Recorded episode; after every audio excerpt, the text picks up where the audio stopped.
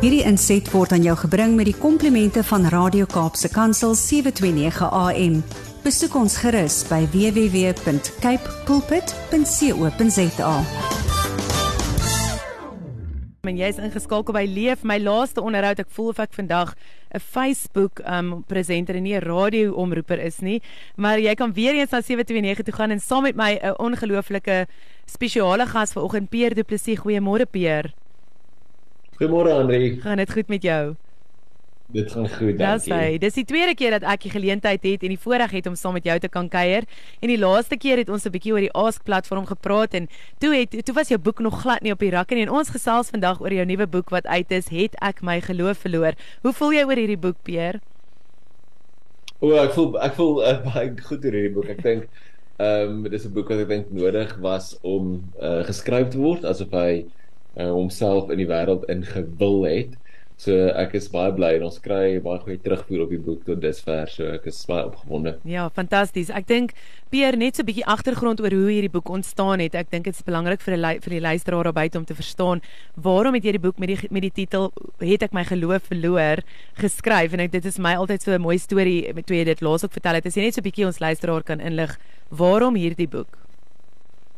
So ek het hierdie boek geskryf in ehm um, so in die middel van 2021 het toe ons in in diep lockdown was met die derde golf um, en ons regtig baie mense ook in die dood afgestaan het het ek die behoefte gesien om om 'n preek te doen en ek oor het ek my geloof verloor of um oorspronklik was die titel um ek dink ek het my geloof verloor. en wat gebeur het is daar so baie mense en baie van ons vriende en mense wat in ons kerke was oor die jare wat my gekontak het en veral um tydens die pandemie in lockdown het hulle ge my gekontak en gesê hoor ek wil afspraak met jou maak. En dan na die tyd o, net om vir my te sê hoor ek dink ek dink ek het my geloof verloor. Ek dink nie ek glo meer nie. Of ek het besluit om die geloof agter te laat en ek is nou agnosties of ateïs of ehm um, glo nou iets anders wat ook al. En uh, dit het so baie gebeur dat ek gedink het jy's maar kom ek ek preek oor oor en toe ek so die preek nog gedoen het was 'n aanlyn preek toe toe ek so opkyk, toe sien ek o, heerlikheid, ek het nou die grootste sonde gedoen wat 'n dominee ooit kan doen vir 55 minute lank gepreek. en sien ek en die na die tyd het honderde mense geluister na die podcast en die preek en so en vir my begin briewe skryf en e-mails en so en sê dat iemand dit vir regtig baie beteken en hulle dit aangestuur en van daardie mense het kontak gemaak. So dis 'n en toe kom ek agter maar hier is dalk iets hier binne in hierdie boek of in hierdie preek en dalk kan dit 'n boek wees en gelukkig toe stem Lux Werby en uh, Susan hulle toe saam en sê kyk kom kom ons doen 'n boek. En toe ja, dis skryf ek die boek aan die begin van die jaar en hy is nou op die rakke. Hy is op die rakke van Augustus af en baie geluk daaroor. Ek um, kan nie wag om my hande op hom te kry en om in diepte deur te lees nie. Ehm um, maar wat ek graag jy verwys in die boek na drie temas wat voorkom oor 'n gelowige wat spesifiek twyfel. Waaroor gaan daai drie temas spesifiek?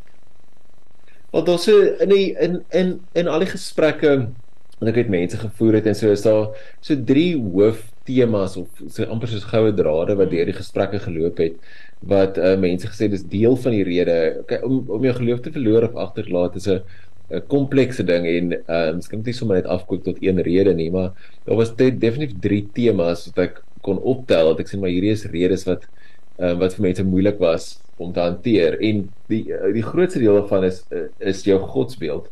So hoe dink jy hoe dink jy oor God? Hoe dink jy oor wie hy is, wat hy is, hoe dit werk, bestaan God, al daardie daardie tipe vrae. En dan die tweede tema was te doen met het te doen met met die Bybel en waarheid. Hoe hoe weet mense iets is waar? Ehm um, hoe kan ons die Bybel vertrou? Hoe werk die Bybel? Ehm um, wat maak ek met al hierdie gewelddadige stories in die Bybel en al hierdie vreemde verhale en hoe maak ek met wetenskap in die Bybel en al daai vrae?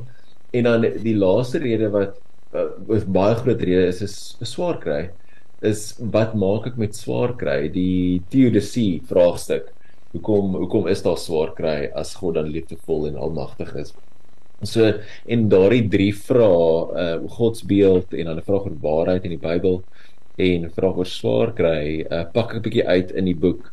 En ek het probeer om die boek te skryf dat dit nie dit nie net antwoorde is nie. Ehm um, want ek dink daar is baie keer nie antwoorde nie. Dis dis die boek is meer geskryf soos 'n 'n gespreksgenoot of 'n 'n gids en sê hoor maar kan ek nie saam met jou asof ek saam met jou om 'n tafel sit en 'n glasie wyn drink of 'n koffie drink en so en dan net kom ons praat net oor hierdie goed. Kom ons vra die vrae, kom ons ons voel ons pad saam deur dit.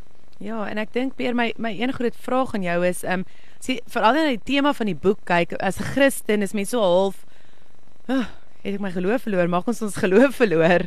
Verstaan ek dink is 'n vraag wat 'n mens vra en, en dis 'n dis definitief 'n gesprek wat mense nie het oor dit, maar dink jy almal sal kan vereenselwig met die tema? Ek dink daar's baie meer mense wat dalk wonder oor hulle geloof as wat ons sal van hou om te erken.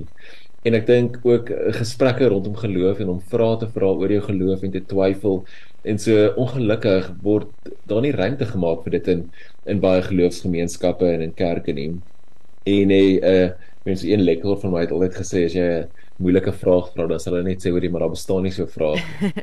So ehm um, en uh, ons is ons gemeenskappe ongelukkig baie keer en val in die verlede was nie ruimtes waar jy kon vra vra nie en ruimtes waar jy kan stoei en kan worstel nie. En uh, ons is gesê jy moet net weet glo net soos 'n kind alhoewel dit glad nie eens in die Bybel staan nie. Maar ehm um, ons is gesê dit is dit staan in die Bybel. En of dat jy nie mag vra vra nie, maar jy mag vra vra. Jy mag stoei. Dit jy mag twyfel.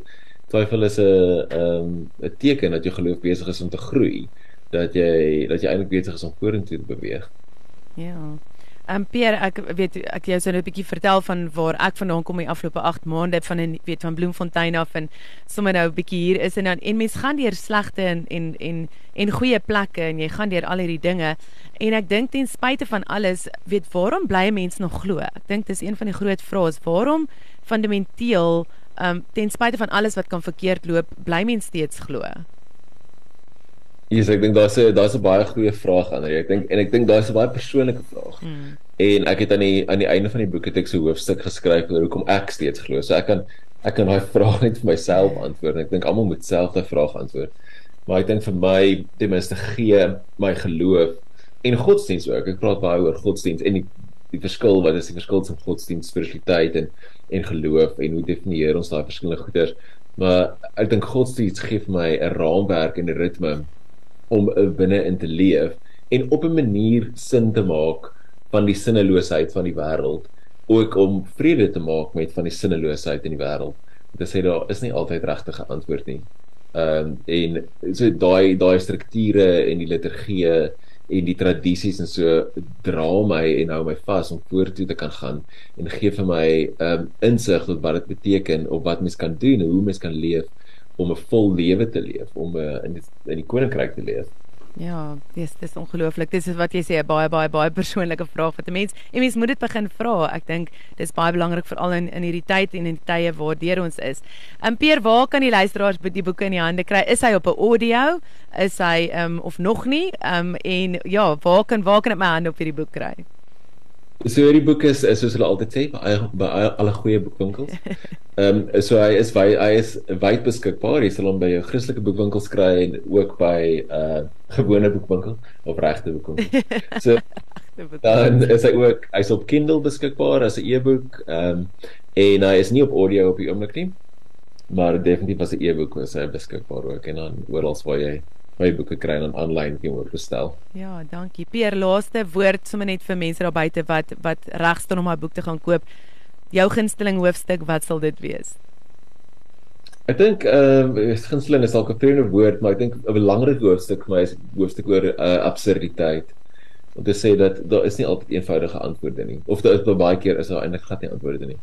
So en ek dink daar is in my gesprekke met mense seker een van die goed wat die meeste vrede bring is om te sê nee maar daar is nie antwoord nie. Alles gebeur nie altyd vir 'n rede nie. Ja. Partykeer is goed net sinneloos. Ja, yes, Pierre, vreeslik baie dankie dat jy saam met my gekuier het vanoggend.